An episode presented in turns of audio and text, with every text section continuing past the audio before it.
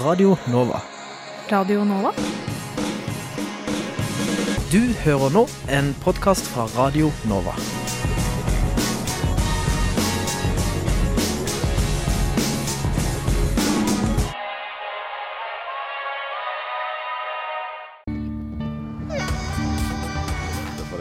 Det hovedspørsmålet det hadde vært siden eh, Noam Chomsky etablerte den greina lingvistikken som, som jeg befinner meg i. Vi håper jo på breiest mulig oppslutning om SV, og jeg tror at det eneste som kan få norsk løsner båndene mellom staten og kirka, og forhåpentligvis fører til tettere bånd mellom kirka og folk. Så hadde de gjort som andre fjøringsbevegelser i verden, hadde de helt legitimt kanskje tatt i våpen. Og, og så direkte skildring av menneskeskjebner tror jeg ikke vi har sett eh, i noen annen nyhetsdekning av noen annen terroraksjon. Det er såpass store forskjeller mellom den kalde krigen, hvor det var to supermakter som sto mot hverandre, eh, og den situasjonen vi har i dag. Du hører på samfunns- og aktualitetsmagasinet Opplysningen 99,3 på Radio Nova. Opplysningen 99,3 på Radio Nova. Vi sitter igjen med tre store kjeder i dagligvarebransjen som stadig kjøper seg opp og skaffer seg mer makt.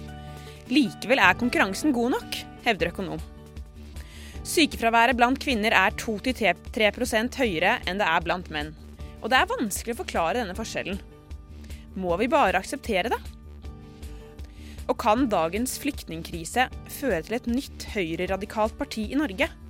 Vi har med oss Øyvind Strømmen for å svare på dette spørsmålet. En feriestasjon har en innvirkning på den enkelte nordmanns selvfølelse og identitet. De sliter, og de har ikke råd til å betale eh, markedspriser for, for gassen. Akkurat nå hører du på Radio Novas samfunns- og aktualitetsmagasin, Opplysningen 99,3.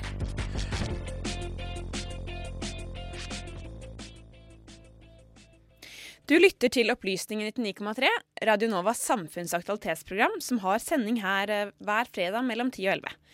Og eh, mitt navn er Marie Åkran. Her i studio sitter jeg med Isak Ree, tekniker, og Odd Gisholt, økonom. Og i tillegg til sakene du nettopp hør, hørte, skal vi også få en kommentar om eh, sponsormakt i idretten, og vi skal få et eh, gjenhør med eh, en gammel reportasje om feminisme i Norden. Men aller først skal vi altså snakke om eh, konkurranse i dagligvaremarkedet. For Coop, Norgesgruppen og Reitangruppen er de tre store kjedene som nå kontrollerer nesten hele det norske dagligvaremarkedet. Og de styrer ikke bare salg av matvarer, men får også stadig større makt i både distribusjonen og i produksjonen av maten vi får på bordet. Hva gjør dette med konkurransen når eh, tre aktører styrer alle leddene i matvarebransjen? Vi har fått besøk av økonom og høyskolelektor ved BI, Odd Gisholt. Velkommen. Takk skal du ha. Ja, aller først, Hva tenker du, er det nok konkurranse i dagligvarebransjen sånn som det ser ut i dag? Ja, det er det. Den er meget hard. Jeg har i flere intervjuer og artikler i avisene kalt det et bikkjeslagsmål, og det er jo det det er. Og det skal for så vidt forbrukerne være glad for. Vi vet jo at um, i det norske markedet så er det mettet. Mettede markeder fører jo til priskrig. Og en sånn priskrig er vi nå midt oppi. Det ser vi jo hver eneste dag på TV, i reklamene, hører det på radioen og ser det i avisene. Det er et ekte bikkjeslagsmål.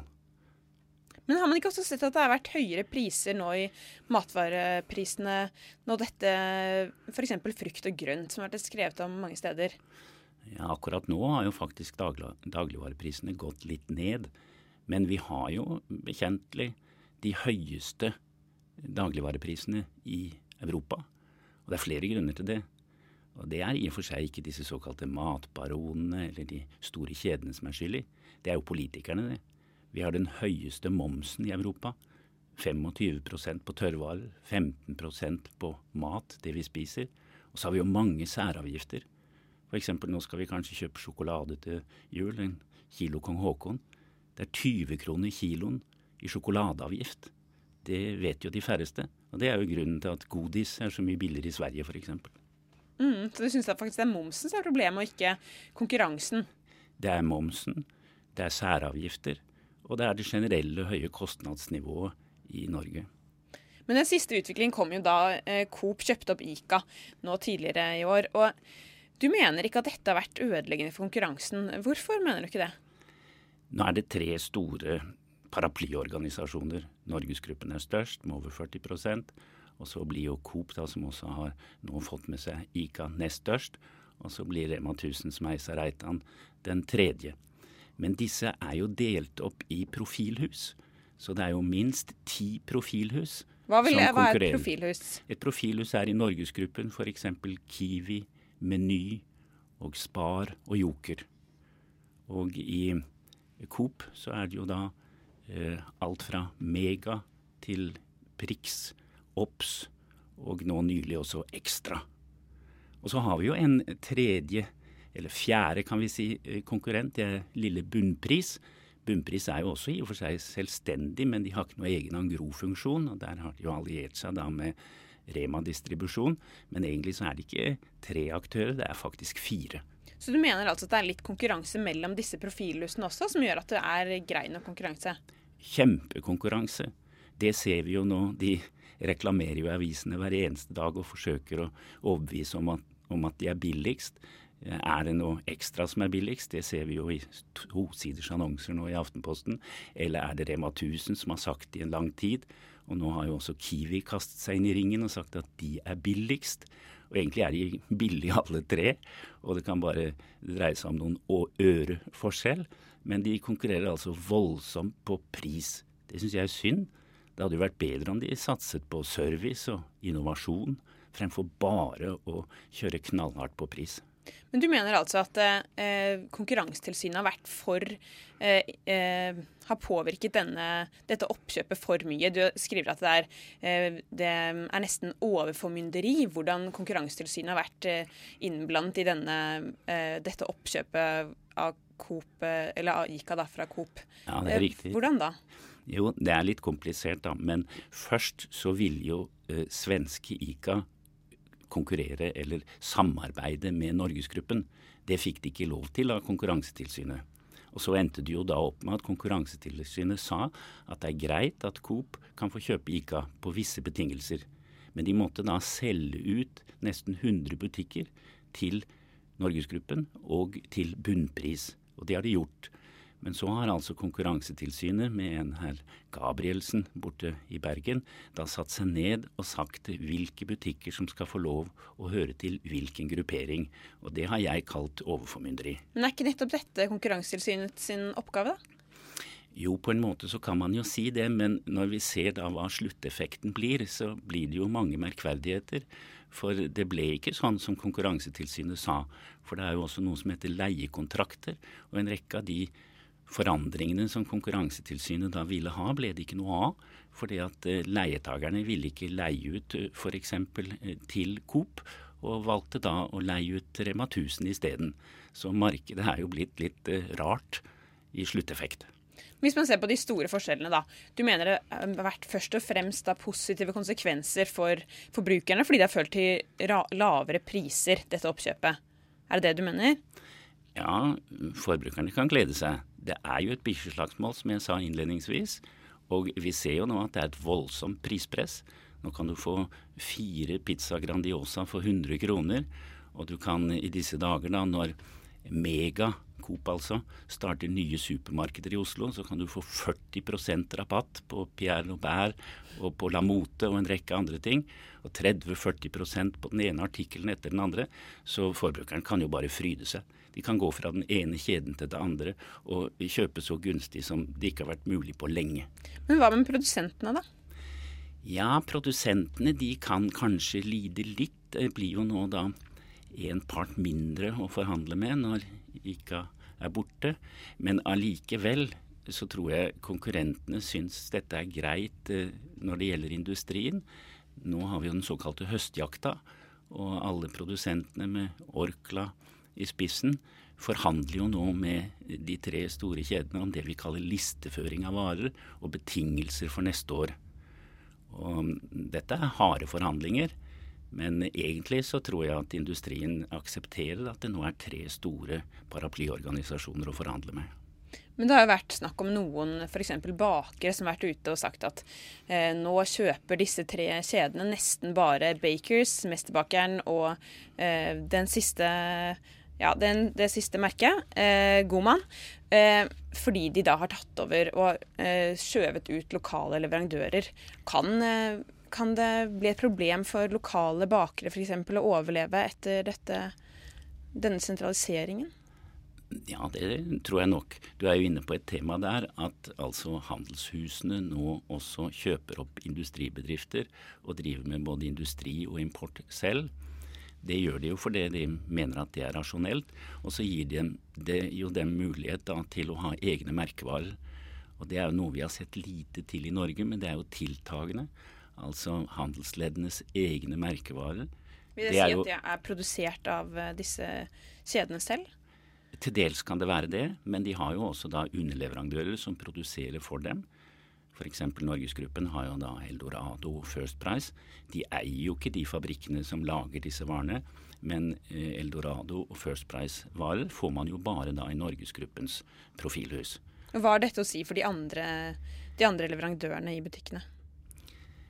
Ja, det er klart at uh, en leverandør som Orkla, da f.eks., som tidligere har sagt at de ikke vil produsere uh, private labels, som vi kaller det på engelsk, de har jo nå faktisk begynt å gjøre det. Og har jo valgt da å lage en pizza bare for Norgesgruppen, og laget en annen pizza bare for Rema 1000. Så vi vil nok i fremtiden se mer en tendens til at det blir egne merkevarer fra de forskjellige profilhusene. Mm.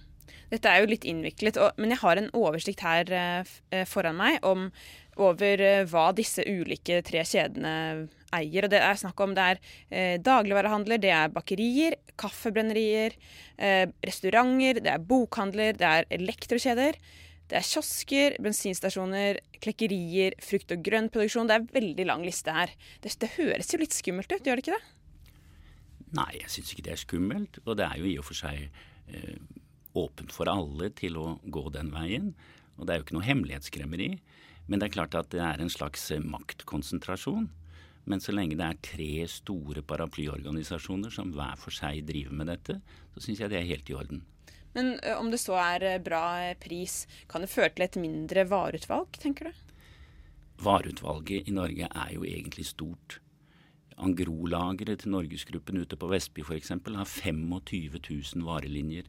Og i en lavprisbutikk i Norge, Kiwi eller Rema, kan det jo være 6000 varelinjer, og i supermarkedene en 15 000 varelinjer. Så det er massevis av varer. Men det er klart det at det er jo mange små tilbydere som gjerne skulle sett sine varer listeført hos de forskjellige kjedene. Og da er det ikke plass til alle. Mm. Men noe som kanskje ikke så mange vet, er at eh, disse tre kjedene de har, ikke, de har også veldig stor eh, makt over distribusjonen og produksjonen. F.eks. så eier Norgesgruppen Asko, eh, som da leverer ut varer til ni av, eh, ti dagligvarer til butikkene. Hvorfor vil de kjøpe opp eh, denne, dette leddet også? Ja, Hvis man skal lykkes med dagligvarer i Norge, så må man ha et godt angroledd. Det har Norgesgruppen med Asko. Det har Rema 1000 med Rema-distribusjon.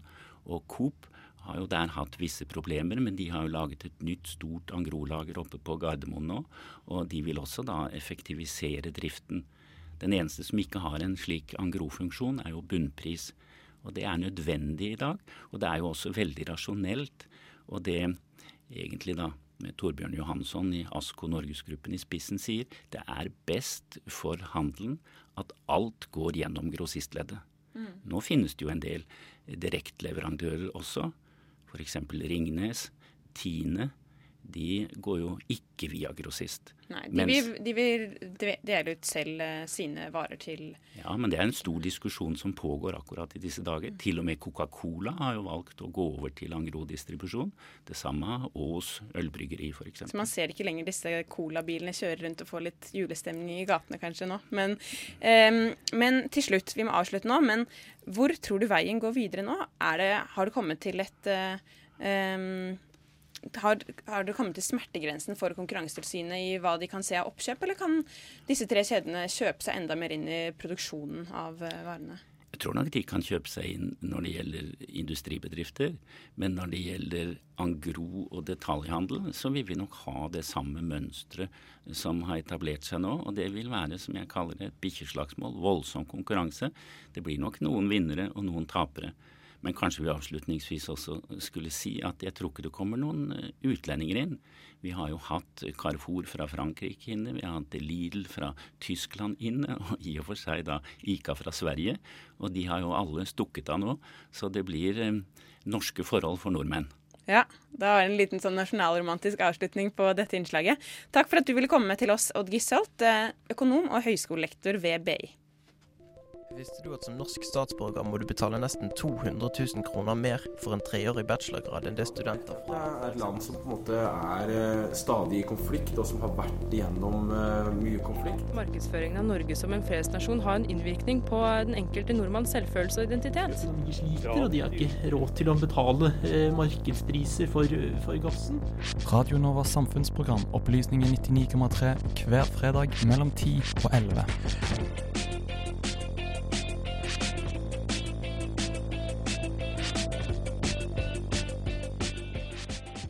Og nå er det tid for ukens kommentar.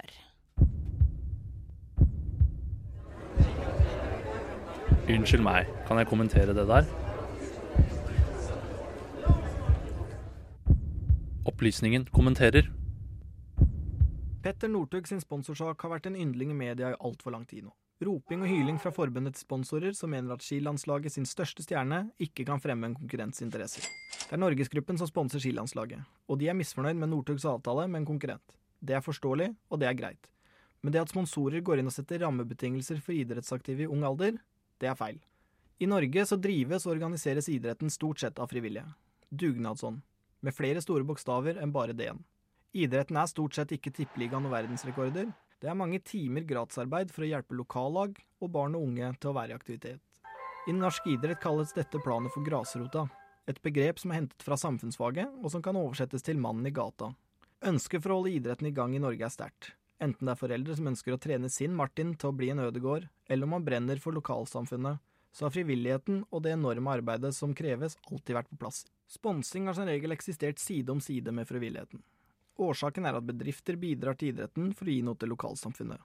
Det er ikke så rart at når Pers frisør bidrar til Gutter 7 sitt draktsett, så vil han ha logoen sin på draktene. Dette er helt greit. Men det ville vært en konflikt hvis Pers frisør ville nekte å sponse laget fordi en av de syv år gamle guttene klipte seg på tango. Den vanligste har i alle år vært at denne sponsingen har ligget til rette uten noe særlig motkrav. Dette virker til å være i ferd med å endre seg. Denne forandringen virket å være akseptert, et eksempel på dette problemet kan vi se da et norsk oppdrettsselskap gikk inn og sponset et canadisk fotballag for jenter på 14 år. På dette nært sagt tilfeldig utvalgte laget spilte det en jente som hadde tydelige problemer med oppdrettsnæringen. Den 14 år gamle jenta med mer enn oppdrettsbein i nesa lagde en Facebook-side mot sponsingen av laget hennes. Fotballagets styre krevde at den 14 år gamle spilleren stengte protestsiden hvis hun fortsatt skulle spille fotball for klubben. Den gigantiske bedriften som sponset det lille idrettslaget, mente at hvis hun ikke kunne akseptere at laget spilte med logoen på brystet, kunne hun alltid finne et annet lag. Klubben fikk her en stor sponsor som ønsket å synliggjøre seg på alle stedene de drev oppdrett. På grunn av hovedstyrets vurdering av verdien til denne sponsoren, så ble jenta gitt munnkurv. Dette er ikke greit. Det er feil at store bedrifter skal være med å diktere idrettsaktiviteten til barn. Andre eksempler på denne dikteringen er unge skiskyttere som har blitt truet med diskvalifikasjon fordi de ikke har klistra den nye hovedsponsorens logo på børsa. Jeg mener at sponsoren skal gi mer til idretten enn det idretten skal gi til sponsorene. Dette er særlig viktig for barna og for mannen i gata. Ukens kommentar var signert Herman Borgstrøm. Og nå er det tid for et langt mer seriøst eh, eh problem her på radioen. Frp har nemlig rekordoppslutning på ny meningsmåling, og kommentarfeltene flommer over av innvandringskritiske utsagn. Vil dagens flyktningstrøm føre til økt oppslutning hos høyreradikale partier? Og vil Norge få et parti til høyre for Frp? Med oss på telefon har vi Øyvind Strømmen, journalist og forfatter, og særlig kjent for uh, å ha studert høyreekstreme og antimuslimske miljøer på nettet. Er du med oss på telefonen, Øyvind? Ja, god dag. Ja, flott. Aller først, Strømmen, er det noen tegn hittil på at flyktningkrisen har påvirket oppslutningen om høyreradikale partier i Europa? Ja, altså Høyreradikale partier i Europa har ulike utviklingstrender. Det varierer litt fra land til land. Eh, Det man kan si i forhold til eh, den eh, flyktningstrømmen, økte flyktninginnvandringen man har til Europa i dag, er at det, det er nok noe som har en mobiliserende effekt for mange høyreradikale og, og enda mer eh, ytterliggående miljøer. Mm. Et eksempel på dette så vi i Wien, hvor det var en veldig eh, Hvor Frihetspartiet fikk 5% høyere oppslutning i et lokalvalg, som er et veldig, veldig radikalt parti. Eh, er det flere andre eksempler rundt i Europa, eller har det vært mest eh, de mer sånn høyrepopulistiske, eh, sånn som Frp, som har fått høyere oppslutning? det som er at det varierer jo rundt omkring i Europa hvor, hvordan de høyrepopulistiske partiene ser ut. Høyrepopulisme er på en måte et samlebegrep som forteller ganske lite om det politiske innholdet. Eh, og Noen av de såkalte høyrepopulistiske partiene er jo strengt tatt høyre radikale partier, mens andre er mer det man kan omtale som eh, konservativt orienterte protestpartier. Eh, Så det varierer, og det har variert over tid òg, utviklingen i ulike radikale partier. Eh, Men det er klart man har sett at, at partier på, som er innvandringskritiske, har gjort det sterkt i valg, både som du nevner i Østerrike og i Sveits bl.a. Og, og eh, man har jo òg tidligere allerede sett at det har vært en fremgang i Frankrike. Eh, Men samtidig så har det vært sånn eh, altså Det er ofte sånn at man i media er veldig opptatt av å se på de landene der høyreradikalismen vokser. Eh, Mens man gjerne overser de landene der han ikke gjør det, eller der han går tilbake. Eh, Ja, hvilke land er det, da?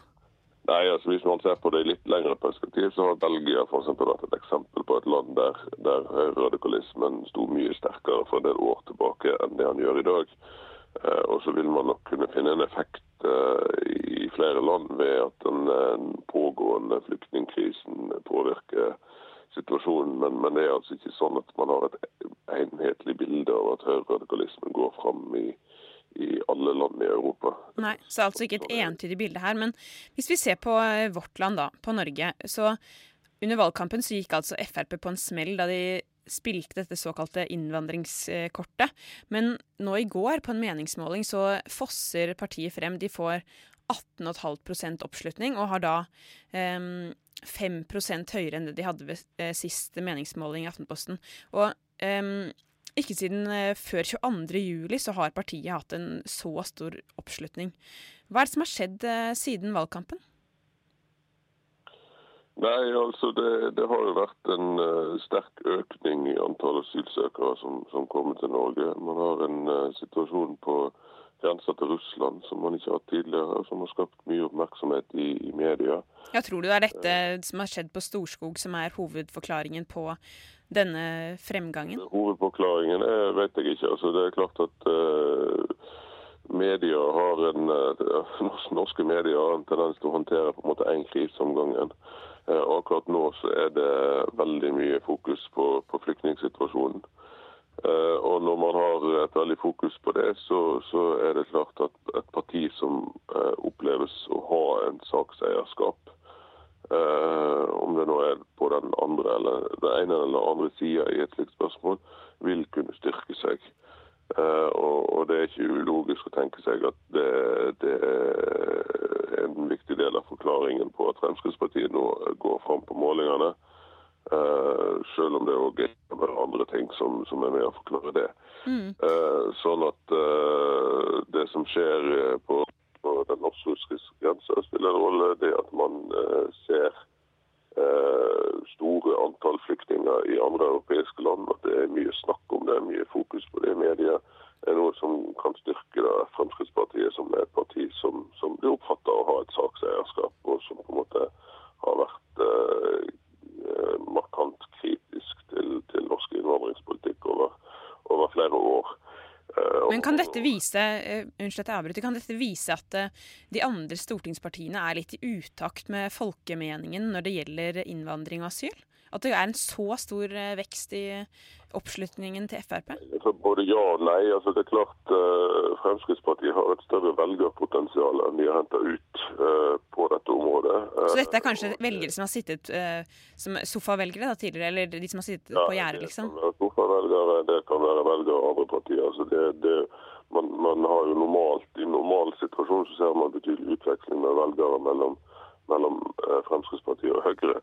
Eh, og så kan man igjen snakke om utveksling mellom velgere, bl.a. mellom Høyre og Arbeiderpartiet. Uh, sånn at, uh, det, at, flere velgere går lenger til Høyre, det, det uh, har sine forklaringer. Samtidig så er jo ikke Fremskrittspartiet heller ikke Fremskrittspartiets velgerpotensial er på en måte uendelig. Mm. Og, og, og så, så, det er på en måte det, det kan være lett å overdrive også den veksten som Fremskrittspartiet har. Mm. Eh, altså, tross alt så har partiet vært eh, betraktelig høyere på målinger eh, enn dette, eh, hvis man går en del år tilbake. Ja. Men hvis man ser på de eh, mer radikale partiene Du har jo eh, studert nettforum mye, og antimuslimske miljøer og eh, rasistiske miljøer. Hva, eh, hvordan har kommentarfeltene vært, eh, og virker det som det er en stor fremmedfrykt generelt i den norske befolkningen? Det er vanskelig å anslå det ut fra kommentarfelt. Men altså, det er klart, hvis man leser i kommentarfelt, så vil man finne uh, mange ideer som er preget av radikal tenkning, og, av uh, tenkning som, som ligger utenfor det man for så vidt uh, har fra de norske stortingspartiene, uansett hvem de er. Og, man vil finne uttalt rasisme, man vil finne folk som støtter ideer om å brenne ned asylmottak. Man vil finne retorikk som går på at det er en invasjon, eller at det er en borgerkrig, eller at borgerkrigen er på vei eller må komme. Landsforrædere blir folk som man da er uenig med, kalt osv. Og, det, og det, den typen retorikk finnes det en god del av. Men samtidig så, det, så fungerer jo òg eh, eh, altså, eh, det, Mye av dette foregår jo på enkeltgrupper på Facebook, det foregår i kommentarfelter osv. til, til aviser. Eh, og, og eh, Facebook, sosiale medier og, og kommentarfelt i aviser kan òg fungere som en, en forsterker. Mm. Eh, og, og dermed at de, de mest de mest indignerte, de mest ytterliggående, de mest sinte stemmene er også de som lettest eh, tar til tastaturet. Eh, for dermed så får man et inntrykk som ikke helt stemmer med hvordan folkestemningen faktisk er. Nei, Men i Sverige så ser man jo også Du sier at i Norge så er det faktisk også en retorikk om å brenne ned asylmottak, f.eks. Og det har man jo sett en, eh, et veldig stort antall av i Sverige. Det har vel vært 26 branner så langt, i hvert fall. Og eh, kanskje også en i Norge nå. Men eh, hva er forklaringen på at bildet har vært så annerledes i, Sverige enn i Norge? Nei, Det finnes ulike eh, teorier om. Eh, jeg mener at det er viktig å, å se at den svenske høyreekstremismen alltid har vært sterkere enn en den norske. Eh, det er, mye, altså det er en, en subkultur med, med lengre og mer ubrutt historisk tradisjon. Hvorfor det? Nei, fordi at man i Norge hadde et, et Eh, landssviksoppgjør som gikk veldig langt etter andre verdenskrig, og som knakk den norske fascismen. Mens i Sverige hadde man ikke noe landssvikoppgjør, for man hadde ikke noe landssvik. Uh, og, og, dermed så hadde man en vedvarende fascistbevegelse i Sverige, faktisk, som, som uh, har avtakere sjøl i dag. Uh, lenger og mer ubrutte historiske linjer. Og så har det vært lettere å være høyreekstrem i Sverige, ironisk nok. Det har jo vært, det har vært slått mye hardere ned på blant Ja, det har vært slått mye hardere ned på, men det har lettere, vært lettere å være høyreekstrem i Sverige likevel. Og det, det, det, det, som er eh, kan si, betenkningen der, er jo at den svenske debatten er mye større grad preget av polarisering. Uh, og når jeg sier det lettere, så er det fordi at det har vært en betydelig større subkultur i Sverige. Uh, slik at der har man i større grad hatt uh, egne forlag, egne tidsskrifter, eh, egne musikkutgivere osv. Og Det ser man jo også i dag, at det er jo en del svenske nettmedier som driver frem på en måte ytterliggående og svært innvandringsfiendtlige standpunkter. Noen av de er jo knyttet til Sverigedemokraterna, som er et parti som på en måte har gått, gått fra å være veldig ytterliggående til å bli et mer vanlig høyreradikalt parti i europeisk sammenheng. Men andre er jo knytta til grupper som ligger til høyre, eller eh, på en måte mer nasjonalistisk orientert enn en sjøl Sverigedemokraterna. Uh, og det, det, er på en måte det, det, gjør at man i Sverige har et, et større rom uh, som uh, på, på, den litt høyre sida. Samtidig som man da har en, en, mulig effekt av at den polariserte debatten som man har hatt i Sverige på dette området, mm. har drevet en del folk fra Eh, i utgangspunktet relativt moderate standpunkter og mer og mer ut i radikale og til slutt kanskje også ekstreme standpunkter. Mm, men nå, nå, er vi nødt til å dessverre å avslutte her straks. Jeg vil bare avslutte med et, siste, et siste spørsmål. For eh, i boken din eh, 'Den storte tråden' så eh, skriver du at Frp i Norge har satt en stopper for fremveksten av høyreradikale partier. Tror du at Frp vil fortsette å spille denne rollen eh, nå også under eh, flyktningkrisen, nå som sitter i regjering, eller blir det vanskeligere? Og vil det kunne komme et nytt høyreradikalt parti? Jeg tror det blir vanskeligere. for Man ser i en del av de si, ytterliggående Facebook-gruppene osv. Så, videre, så ser man en, en, økende motvilje og skepsis til Fremskrittspartiet. Fremskrittspartiet blir anklaget for bare å ville kjøre rundt i sorte limousiner osv. Eh, og, og det er jo et paradoks at man får en sterk økning i asyltilstrømning mens Frp sitter i regjering. Uh, og jeg tror ikke så nødvendigvis så mange er så opptatt av de push-faktorene. Altså hvorfor skjer dette? Men vil heller da anklage regjeringa. Dermed så kan det skapes grobunn for at man får nye politiske bevegelser til høyre for Frp. Mm. Samtidig så har Norge et ganske satt politisk system på mange måter. Uh, sånn at dette blir jo det blir spennende å følge med på uh, hva som skjer. Ja. Tusen takk for at du ville komme, eller at du ville være med oss med på telefon. Øyvind Strømmen, journalist og forfatter.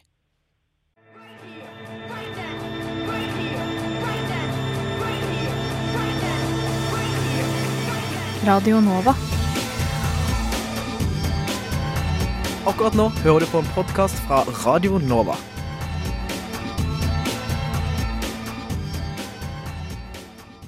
Forskerne har lenge forsøkt å forstå hvorfor sykefraværet er høyere hos kvinner enn hos menn. I 2014 så var sykefraværet blant menn om eh, ca. 5% mens sykefraværet blant kvinner var mer enn 8% Og Forskjellene mellom kjønnene har vært til stede lenge, og det er, eh, noen mener det har noe med arbeidsplassen å gjøre, andre finner årsakene i hjemmet. Eh, eller er det helt andre ting som forklarer forskjellene?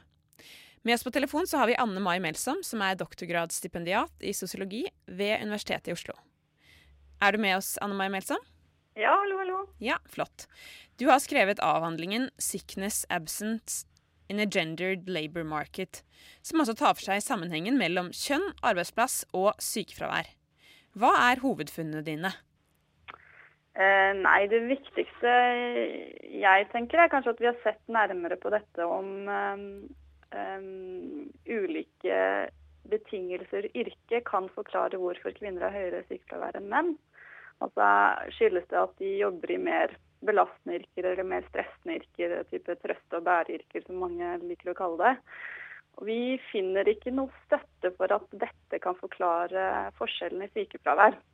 Nei, ok, Så den, dette har jo vært en vanlig forklaring, da, at de, jobber jobb, eh, de har jobber som er mer belastende. Men ja. dere mener at eh, menn faktisk har jobber som er mer belastende. Hva, hvordan kan du si det?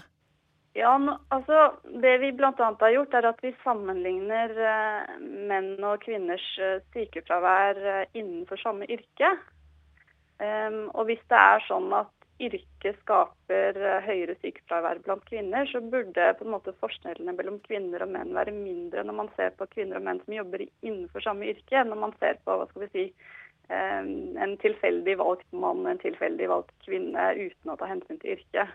Og det er det ikke? Det vi, nei, det vi ser det er at forskjellene faktisk blir litt større. i hvert fall i Norge, når man sammenligner menn og kvinner innenfor samme yrke. Og Det tyder på at det er um, for det første ikke sånn at uh, kvinner har mer belastende arbeidsbetingelser for at det kan forklare høyere sykefravær. Men på den annen side, når, når forskjellene innenfor yrket blir større, så, så, tyder det på at menn i snitt kan tenkes å ha hva skal vi si, mer, uh, mer belastende yrker, eller i hvert fall yrker som er mer Eh, hva skal vi si, negativ for sykefraværet. Da. Mm.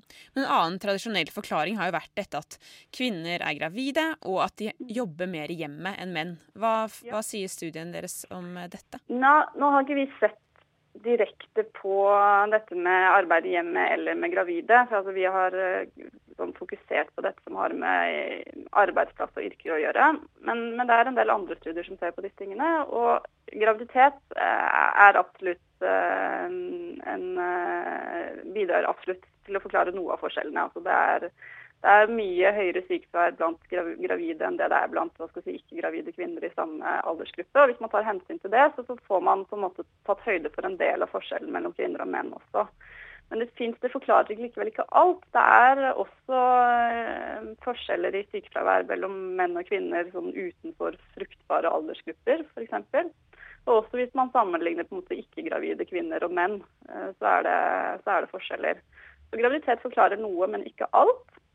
Så hva er da den beste forklaringen? Den beste forklaringen, ja, den er vanskelig å finne. Um, jeg, altså Yrket ser, har vi ikke noe tro på, som hovedforklaring i hvert fall. Graviditet noe. Eh, dette med arbeid i hjemmet, ja kanskje litt, men eh, ikke noe veldig klar støtte for at det skaper forskjell heller. Så det man står igjen med, er jo liksom en del sånn uobserverte ting. Altså det kan være hva skal vi si, eh, iboende forskjeller mellom kvinner og menn. Om det skyldes hva skal vi si, biologi, eller om det skyldes forskjellige normer.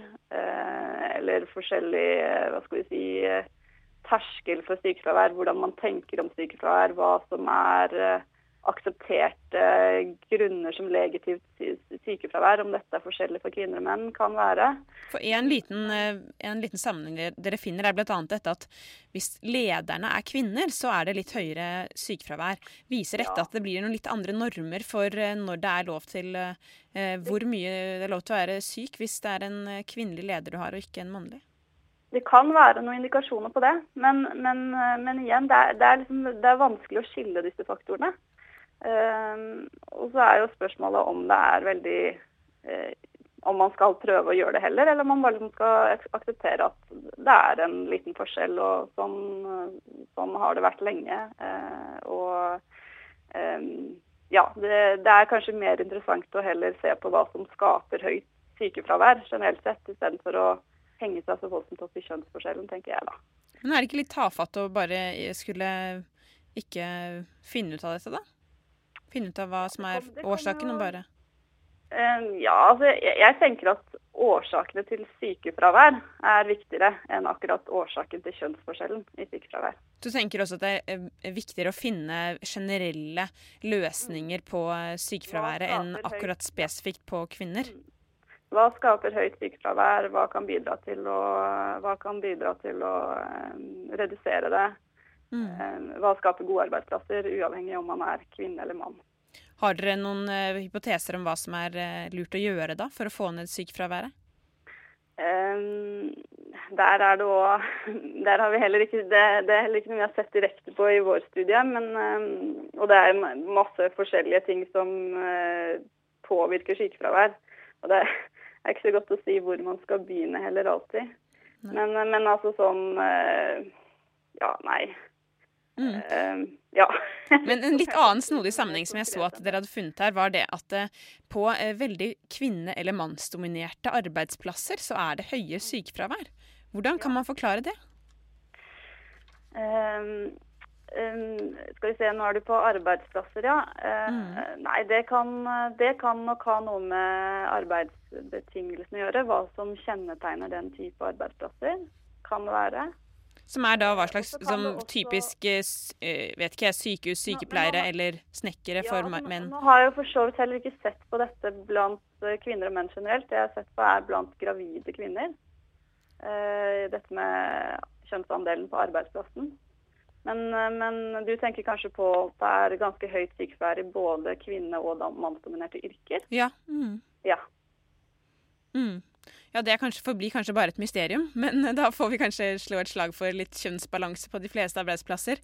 Eh, tusen takk for at du kunne være med oss på telefon, Anne Mai Melsom, doktorgradsstipendiat i sosiologi ved Universitetet i Oslo. At i stedet for å bli bare en nyere versjon av Kyoto, så vil det kanskje være det man kaller for en balansert pakke. Men eh, vi vet at eh, før eller senere, for det er såpass mange av disse legemene, så er det en med adresse jorden. Og når det skjer, så bør vi være forberedt phrase they always use is "gai bian ming yun," which means change your fate.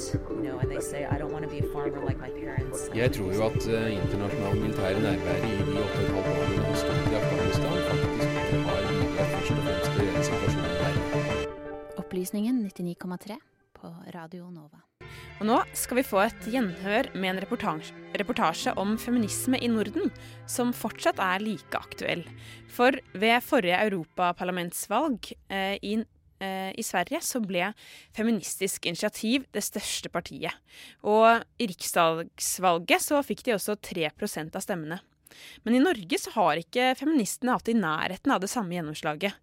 Eh, kun i lokalvalgene i Bergen og i Oslo så fikk eh, Feministisk eh, initiativ lister, og de klarte ikke å få inn noen representanter.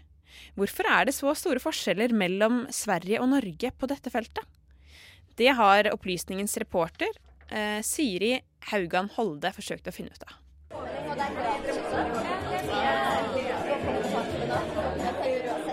Det er fredag kveld på Revolver i Møllergata, og en gjeng jenter som ikke kjenner hverandre fra før, har tatt opp nesten halvparten av bordene ved inngangen. Hvorfor? For å diskutere feminisme, så klart. Jeg er her for å møte andre bra feminister. Eh, for å kunne snakke litt sånn uformelt. Mange som virkelig sånn lengter etter et type sånn lavterskelmiljø der de kan komme og diskutere feminisme. Altså, og spesielt når vi måte, kan ofte møtes på nettet nå, så savner man litt uh, å møte folk. da, Ansikt til ansikt og kunne diskutere. Det er igjen blitt blåst liv i debatten om feminismens status i Norge. Sist med Aina Stenersens utsagn om at stripping er feminisme, og Mimir Kristianssons kritikk av Fett som et for hipt magasin. I søsterlandet vårt er imidlertid debatten en helt annen. I Sverige er feminismen blitt et tydelig begrep i det politiske klimaet og ved de to siste riksdagsvalgene har til og med et rent feministisk parti stilt i valg. Feministisk initiativ under ledelse av Gudrun Skymann. Anders Ravik Upskås er doktorgradsstipendiat ved Institutt for statsvitenskap ved Universitetet i Oslo. Og han tror ikke det er rom for et slikt parti også i Norge. Hvis du skal skjønne fremveksten av Feministisk initiativ eh, i Sverige, som ble stiftet i 2005, så handler det veldig mye om den ene personen, Gudrun Schyman, som da var partileder for Venstre, Venstrepartiet, altså tilsvarende norske SV. Eh, men hun følte nok at i et sånt parti som hadde liksom mer kommunistiske røtter i, i, Sverige, så var det veldig mannsdominert og vanskelig å nå gjennom med liksom skikkelig feministiske perspektiver på politikken. Så hun brøt på mange måter ut derfra, eh, og fikk med seg en bredt eh, allianse av andre feminister. Eh, startet i et møte i 2004 i Umeå. Så når du da sammenligner med Norge, sant, så ser man jo at SV har en litt annen historie. Det er, et, det, er ikke et, gammelt kommunistisk parti. Det er ikke så mannsdominert. Og SV var nok mye raskere da til å fange opp den type feministiske problemstillinger. Har kanskje gitt det mer rom. Og at eh, sånn, de folka som da har gått over til feministiske initiativ i Sverige, de har blitt værende i SV. Eh, i Norge. Og Hvis vi går, går, til Norge, da. Tror du SV kan ha vært med på å spenne bein på en litt mer radikal feministisk partiorganisasjon? Det tror jeg definitivt. Men foreløpig så er mitt inntrykk at mange av de miljøene som jeg kjenner til i Norge, er relativt komfortable med å være innenfor de eh, partiorganisasjonene de er. Om det enten er eh, kvinnepolitisk avdeling i Rødt, eller om det er innenfor SV. Så finnes det jo noen enda mer radikale grupperinger utenfor, men de har jo da enn så lenge, sånn som kvinnegruppen Ottar f.eks de har jo da enn så lenge valgt å, å organisere seg utenfor politikken og ikke stille til valg. Men hvorfor er feminismens status i Norge så ulik Sverige? Historiker Trine Rogg Korsvik er forsker ved Senter for tverrfaglig kjønnsforskning. Og hun mener vi kan finne svaret ved å gå tilbake til midten av 1900-tallet. Den norske kvinnebevegelsen er litt sånn kjennetegnet ved at du har både liksom sånn grasrotaktivisme, og at man også liksom av og til samarbeider litt med f.eks. en eller annen eh, stortingsrepresentant med feministiske tilbøyeligheter, og litt, kan godt samarbeide med etablerte statsfeminister, for gåseøyne. Mens i Sverige så har du Det er veldig mye mer sånn delt. At du, du har en veldig sånn institusjonalisert feminisme som er i partiene, f.eks.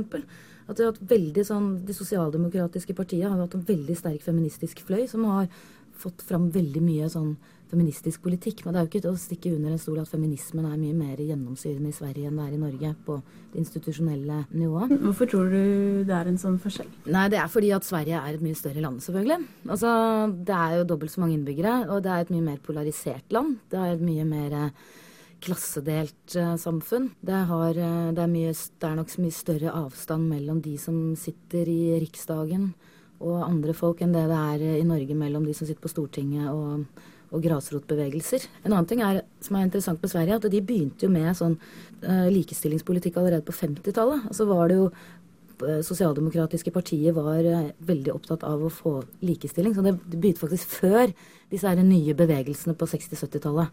Dermed var altså det svenske sosialdemokratiske partiet nesten i forkant av den sosiale kvinnesaksbevegelsen. Det, det, har vi ikke sett i Norge. For i Norge så var det jo mer sånn at partiene har kom, vedtatt sånn politikk etter press fra liksom grasrota.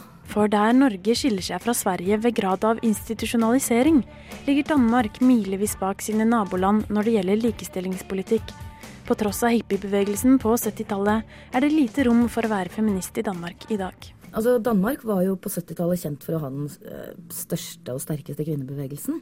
Så var, Der var kvinnebevegelsen veldig sånn preget av det, og ikke liksom samarbeide med institusjoner og staten og byråkrati og sånn. Så de ble liksom litt isolert da, på 80-tallet. Mens i Norge var det jo litt mer sånn at det, mange av de som hadde vært aktivister på 70-tallet, og de gikk jo ble, ble forskere ikke sant, på Blindern og rundt omkring, eller politikere eller byråkrater, ikke minst, og tok med seg liksom noen av de feministiske ideene inn der. Mens i Danmark var de mye mer sånn kompromissløse, så de ble isolert. Og du ser jo da, i dag så er jo likestillingspolitikken i Danmark, den er jo Det fins jo nesten ikke. Det, det, er jo ikke institusjonalisert på overhodet på samme måte sånn som i Norge og Sverige. Men tilbake til Feministisk initiativ. Hvordan vil det gå med partiet når Skymann forsvinner? Det, på, på, den måten er det kanskje den eneste likheten mellom hennes parti og Berlusconis parti i Italia. At det er et veldig personorientert parti. Det er ikke bare et parti med en kjent person, men det er et personparti. Det er gøy å se at det er så mange som eh, bryr seg om eh, feminisme. Da. At det er så stort miljø. Av og til så tenker man at man bare er den lille gjengen man er. Og så plutselig ser man et sånt arrangement, og så er det ti organisasjoner eller noe sånt som står som arrangører.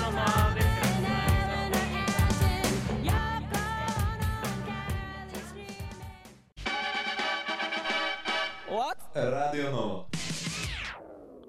Ja, da går opplysningens sendetid mot slutten, og det er snart klart for Nyhetsfredag. Medvirkende til ukens sending var eh, Vebjørn Løvaas, Sindre Bech, Tora Bjørke Stamberg, Siri Haugan Holde og Herman Borgstrø.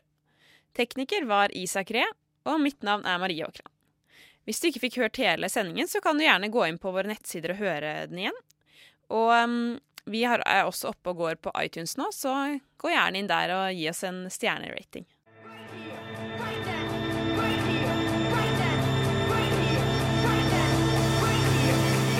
Radio Nova. Du har hørt en podkast fra Radio Nova. Likte du det du hørte? Du finner flere podkaster i iTunes og på radionova.no.